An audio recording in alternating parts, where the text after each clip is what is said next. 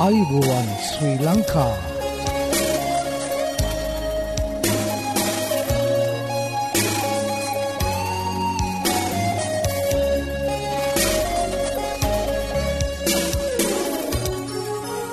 ඔබට සුපදවස මේ ඇඩවෙන්ටිස් වර්ල් රේඩියෝ බලාපොරොත්වය හඬයි.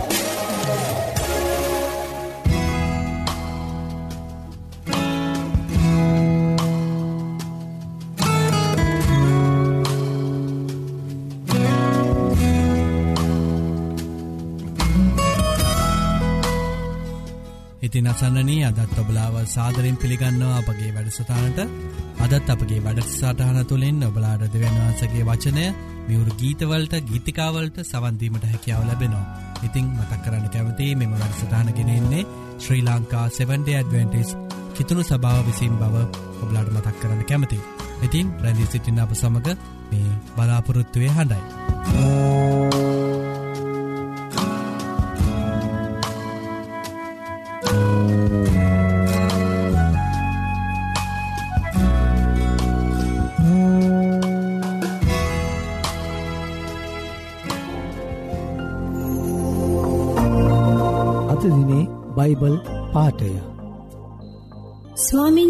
ස්වාමින්ගේ ව්‍යවස්ථාවෙහි ප්‍රීතිවන්නාව උන්වහන්සේගේ ව්‍යවස්ථාව රෑදවල් මෙහි කරන්නාව මනුෂ්‍ය ආශිර්වාද ලද්දෝය. ඔහුදිය ඇල්වල ළඟ හිඳ වූ නියම කලට පල දෙන නොමැලෙන කොළ ඇති ගසක් හා සමාන වන්නේය.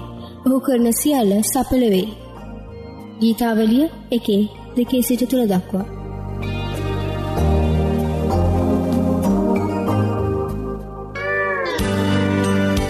ආයුබෝවන් මේ ඇඩවෙන්ටිස් වර්ල් රේඩියෝ බලාපොරොත්වය හඬ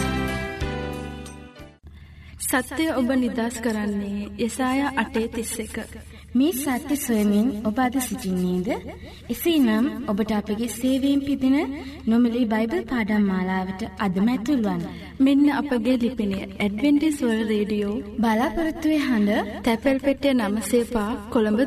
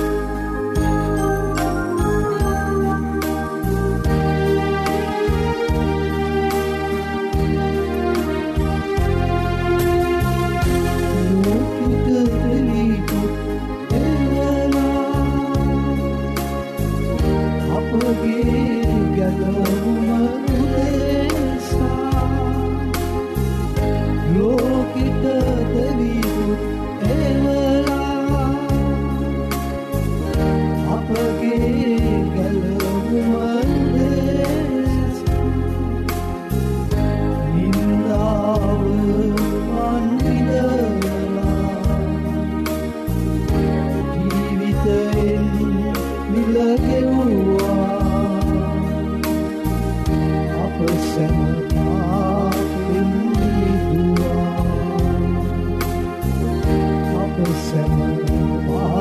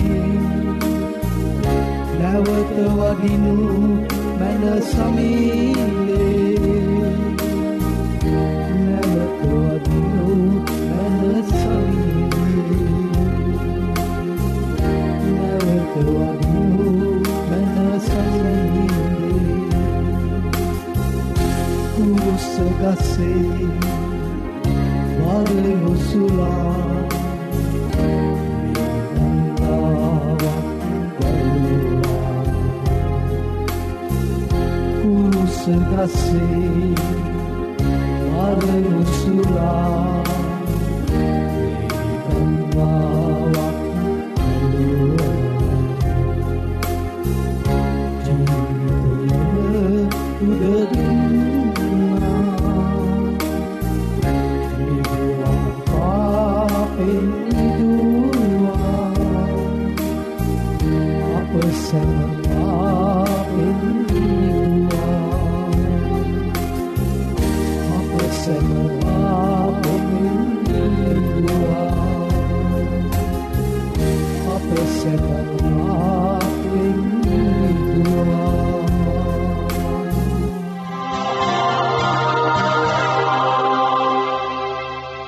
ඔබ මේ රැදි සිටින්නේ Sri Lanka Adventist world radio බලාපොරොත්තුවය හඬ සමඟයි.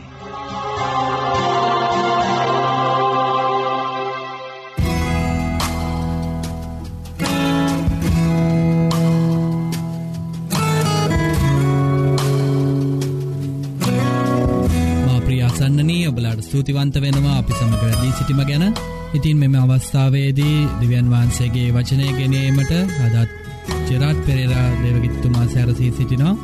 ඉතිං අපි යොමුයමු දෙවන් වහන්සේගේ වචනය කරා. ඔබලාගේ ජීවිතවලට ආත්මික පෝෂණය ලබාගන්ට මෙම වචනවලින් හැකිවේ යයි මම සිතනවා. ඉතිං අපි දැන් යොමුයමු දෙවන් වහන්සේගේ වචනයට. මේ අලාපොරොත්තුවේ හඬ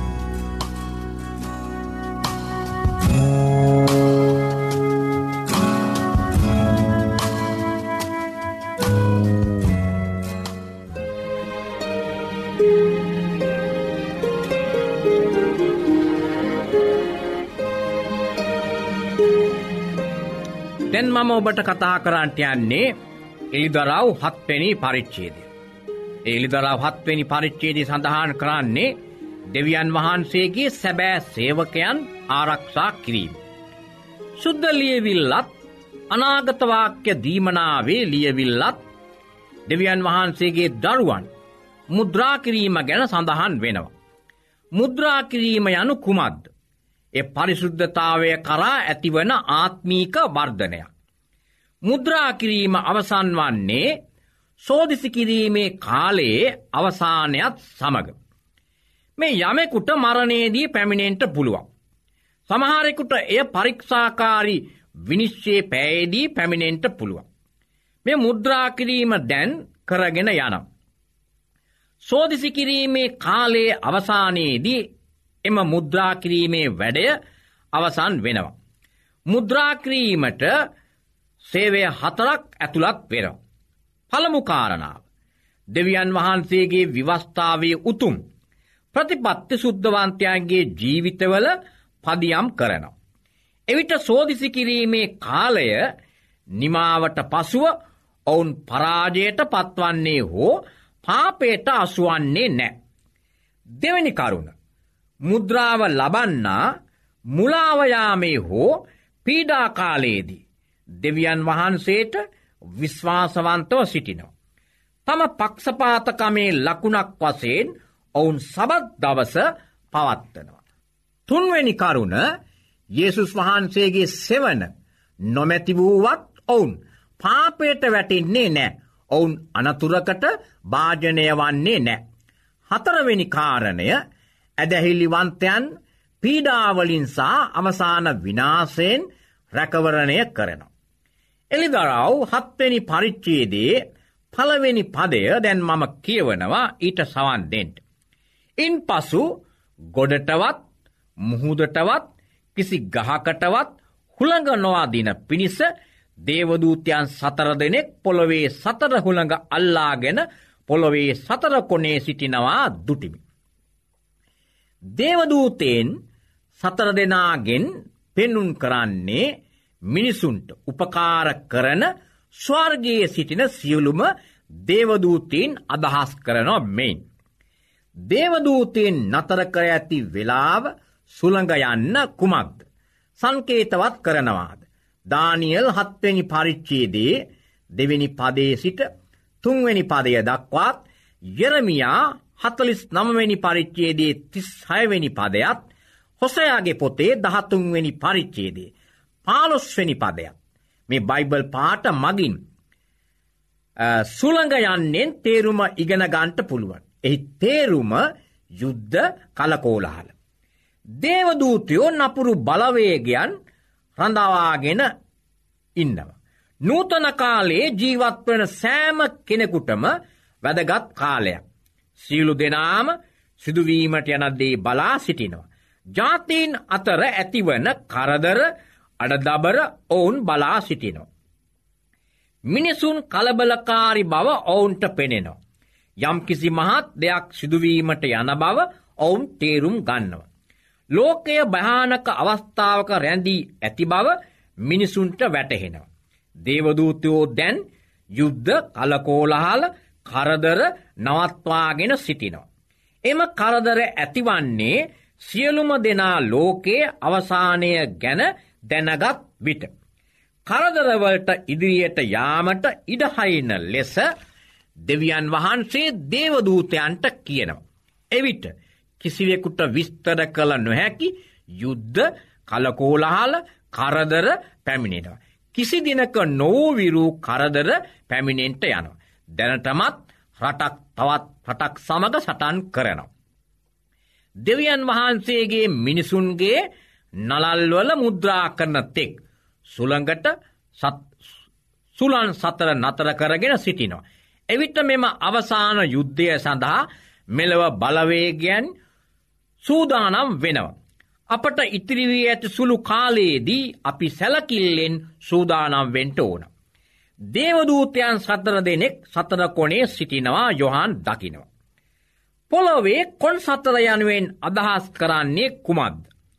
එළිදරව් විශ්වනි පරිච්චේදේ අටවෙනි පදය යසායා එකොළොස්වනි පරිච්චේදේ දොරොස්වනි පදය එසකියල් හත්වෙනි පරිච්චේදේ දෙවෙනි පදය මේ බයිබල් පාට බලන කල මින් අදහස් කරන්නේ සම්පූරණ යන්නයි. නැතිනන් මුළු ලොව යන්නයි. හොඳයි දැන් මම දෙවෙනි පදය කියවනවා ඊට සවන් දෙෙන්ට. මෙතන කියනවා. තවද දේවදූතෙක් ජියෝමාන දෙවියන් වහන්සේගේ මුද්‍රාව රැගෙන නැගෙනහිර දිසාවෙන් නගිනවා දුටිම්. ඔහුද ගොඩටත් මුහුදටත් අනතුරු කරන්ට බලයලත් දේවදූතයෙන් සතර දෙනාට මහත් සද්ධයකින් හඬගසා. අපි බලමු. මෙතන මොකක්ද කියන්න කියලා. එ දෙවෙනි පදය කීපුදේ තමයි පිළිගැනීම හා ආරක්ෂාව ගෙන එන දේවදූතයා නැගෙනහිරෙන් පැමිණෙන්නේ ඇයි. එලිදරව් දාස්වැනි පරිච්චේදේ දොළොස්වැනි පදය අපි බැලූ. සවේනියා තමාගේ පාත්‍රය මහා ගඟෙයි එනම් ඒ ප්‍රාත ගඟෙයි වැගිරෙව් එවිට නැගෙනහිර දිසාවෙන් එන රජුගේ මාර්ගය සාදනු ලබන පිණිස එහි වතුර සිඳීගියය. මෙලව මණ්ඩපය හා ඇසකියල්ගේ දර්ශනයේ දේවමාලිගාවද නැගෙනහිරට විවෘතව තිබුණ. වැදගත් වන්නේ මුද්‍රා කරන දේවදූතයා ක්‍රිස්තුස් වහන්සේ වීමයි.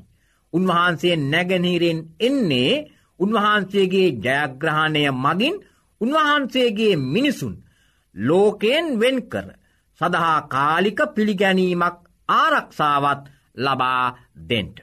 දැන් මම කියනවා තුන්වෙනි සහ හතරවෙනි පද. අපේ දෙවියන් වහන්සේගේ මෙහෙකරුවන්ගේ නලල්වල මුද්‍රා තබනතුරු ගොඩටවත් මුහුදටවත් ගස්වලටවත් අනතුරු නොකරල්ලායයි කීය. තවද. මුද්‍රාකරනු ලැබුවන්ගේ ගණන ඇසීමි ඊස්ථායිල් පුත්‍රයන්ගේ සියලු ගෝත්‍රවලින් මුද්‍රාකරනු ලැබූ අය එක් ලක්ෂ හතලිස් හාරදහසක්ය. මුද්‍රාකරනු ලැබූ සාන්තුවරයන් මෙලොවින් ගැලවෙන බව කීමෙන් යොහන් කුමක් අදහස් කරනවාද. එලිදරව් දාහතරවෙනි පරිච්චේදේ තුන්වෙනි පදේ සිට හතරවෙනි පද කියවා බලමු. ඒ පදවල මෙසේ සඳහන් කරනවා. ස්වර්ගේ සබ්දයක් මට ඇසුනේ මට ඇසුණු සබ්දය වනාහයි තමුන්ගේ වීනාවලින් ගායනා කරන ගායනා කරන්නන්ගේ සබ්දයක් මෙන්නේ. ඔවු අලුත් ගීතිකාවක් ගායනා කළේ. ඒ ගීතිකාව එක්ලක්ස හතලිස් හාරදහසකට එනම් පොළොවෙන් මිලේට ගනු ලැබවාව අයින් මිස අන් කිසිවෙකුට ඉගෙනගන්ට නොහැකි විය. යේසුස් වහන්සේට ඔවුන් නාමුල් පලවෙනවා. දෙවියන් වහන්සේගේ මුද්‍රාව ක්‍රිස්තුස් වහන්සේගේ සහ පියාණන් වහන්සේගේ නම ඔවුන්ගේ නලල් තලයේ ලියන්ට යනවා. එසේ ලියනු ලබන්නේ දෙවියන් වහන්සේගේ පිළිගැනීම ආරක්ෂාව ක්‍රිස්තුස් වහන්සේගේ මහිමයෙන් පාපයෙන් ජයගත් අයගේ. නාමෙන් පුද්ගලයාගේ චරිතය පෙන්නුම් කරනවා. ක්‍රිස්තුස් වහන්සේගේ චරිතය අප සතුවෙන්ට ඕන. ඔවුන්ගේ නල්වල දෙවියන් වහන්සේ කියාද අලු ජෙරුසලම කියාද ලියා තිබූ අතර. එම නලල්වල තිබූ මහිමවත් තාරකාවෙන් පෙන්නුම් කළේ ක්‍රිස්තුස් වහන්සේගේ අලුත් නාමයයි. දෙවියන් වහන්සේ සුද්ද සෙනගට සුද්ධාත්මයාණන්ව දානය කළ. එවිට ඔවුන්ගේ මුහුණ මෝසෙස් කන්දෙන් බසින විටදී මෙන් ආලෝකමත් වුණ. මුද්‍රාකනු ලැබුවන්ගේ ගණන ඇසීමි. ඊසායිල් පුත්‍රයන්ගේ සියලු ගෝත්‍රවලින් මුද්‍රාකවුන් ලැබූ අය එක්ලස්ස හතලිස් හාරදහසක්. ඊස්රායිල් ගෝත්‍ර දොළොසනම් කවුරුන්ද. දැන් සිටින ඊස්රායිල්වරු ගැන නොයි මෙතන කතා කරන්න. යොහන් අපෝස්තුළුවරයා මේ ලියන විට ඊස්රායිල් සෙනගව ජාතියක් හැටියට දෙවියන් වහන්සේ අත්තැරල. අවසාන කාලේ මහා අරගලයේදී. පිළිගන්නාවා ආරක්ෂා කරුණු ලබන අය. ආත්මීක ඊස්රායිල් වරු වෙනව. මුළු ලෝපුරා පැතිර ඇත්ති ක්‍රස්තියානීන්ට. යාකොප් ලිපියක් ලියනවා. යාකොප් පළවෙනි පරිච්චේදේ පළවෙනි පදි මෙසේ සඳහන් කරනවා. යාකොබ් විසින් විසිර සිටින්නාව ගෝත්ත දොළසට සුභසිද්ධවන් ලෙස ලියන වගනම්. ඒවගේම පවුල් රෝමෝරුන්ට යවන ලිපියේ නියම යුදෙව්වෙක්කැයි ක්‍රිස්තුස් වහන්සේ තුළ අධ්‍යාත්මික වෙනස්වීමක් අද්දුටු අයෙක් බව පවසනවා. රෝම දෙවැනි පරිච්චයේදී විසි අටවන සහ විසි නමවැනි පද. ඒවගේම රෝම නමවැනි පරිච්චයේදේ හයවනසා හත්වනි පද. ගලාති තුන්වැනි පරිච්චයේදේ විසිනාමවැනි පදේ. මේ බයිබල් පාට කියවා බැලූ කළ. එය අපට පැහැදිලි වෙනවා. ක්‍රිස්තුස් වහන්සේට අකීකරුවන අය නව ඊස්රායිල් වරු වෙනවා. එක්ලක්ස හතලිස් හාරදාට ක්‍රස්තියානි නමදරණ සෑම අයෙක්ම. මෙම කණ්ඩායමට ඇතුළත් වන්නේ නෑ. ඒ අය විශේෂ සෙනගක් වෙනවා. එක්ලක්ස හතලිස් සාර්දා පමණක් දෙමේ ගැලවෙන්ට යන්නේ. තවත් මහත් සමූයක් ගැලවෙන්ට යන බව. මෙම පරිච්චේදේම සඳහන් කරනවා. දෙම දැන් මම කියවනවා නමවැනි පදේ සිට දොළොස්වන පදය දක්වා ඊට සවන්දෙන්ට. එවිට ඔබට දැනගන්ට පුළුවන් මේ එක්ලක්ස හතුලිස්ථා හැරුණු කොට තවත් අය ගැලවෙන බව. ඉන් පසු. සිලු ජාතීන් ගෙනුත් ගෝත්‍රවලිනුත් සෙනගෙනුත් භාසාවන්ගෙනුත් කිසියකුට ගණන් කළ නොහැකි මහත් සමූහයක්. සුදු සලු පැළඳ තමුන්ගේ අත්වල තාලපත්‍ර ඇතුව සිංහාසනය ඉදිරියෙනුත් බැටලු පැටවානන් ඉදිරියෙනුත් සිටිනවා දුටිමි. ඔ සිංහාසනයේ වැඩහිදින අපේ දෙවියන් වහන්සේටත් බැටලු පැටවානන්ටත් ගැලවීම අයිතිකයා මහත් හඬකින් හඬ ගැසූවේ. සිලු දේවදූතයෝ සිංහාසනයද වැඩිමහල්ලන්ද ජියමාන සත්වයන් සතර දෙනාද වටකර සිටි සිංහාසනයේ ඉදිරියෙන්ද මුනින් බැටි දෙවියන් වහන්සේට නමස්කාර කරමින් ආමේන් ප්‍රසංසාවද තේජසද ප්‍රඥාවද ස්තුතියද ගෞරවේද බලයද පරාක්‍රමෙද සදාකාලෙටම අපේ දෙවියන් වහන්සේට වේවා ආමේන්. සෑම නපුරු බලවේගයක් ලෝකේට සහ දෙවියන් වහන්සේගේ මිනිසුන්ට විරුද්ධව අවසාන පහරක් ගසන්ට යනම්. නමුත් දෙවියන් වහන්සේගේ මිනිසුන්ව මුද්‍රා කරන තෙක්. එම විනාසය වීමට උන්වහන්සේ ඉඩහරින්නේ නෑ. ඇදහෙළිවන්ත හිතුනුවන්ට ජියමාන දෙවියන් වහන්සේගේ ආරක්ෂා කරන්නට යන. අපි යාඥා කරමු. ප්‍රේමණීය දෙවිපාණනි ඔබවහන්සේ අපගේ ගැලවීම උදෙසා දැනුත් ස්වාර්ගයේ පියාණන් වහන්සේ ඉදිරියේ මහත් වූ මෙයක් ඉටු කරන බැවින් අපි ඔබහන්සේට ස්තුතිවන්ත වෙන. මේ අන්තිම කාලය බැවින් ඔබවහන්සේ ඔබවහන්සේගේ තෝරාගත්සනගේ නලලොල මුද්‍රා තබන්ට යන. එන් ස්වාමීනී අපි ඒ මුද්‍රාව ලබාගන්නා පිණිස දැන් සූදානම්වෙන්ට අපි කෙනෙකාට පුළුවන්කම දෙනමින් ඉල්ලා ඔබහන්සේගේ දෑතට අපි භාරවන්නේ යේසුස් වහන්සේගේ උතුම් නාමය නිසාමය. ආමේෙන්. ආයුබෝවන් මේ ඇත්ටිස් වර්ල් රඩිය බලාපොරොත්වය හඬ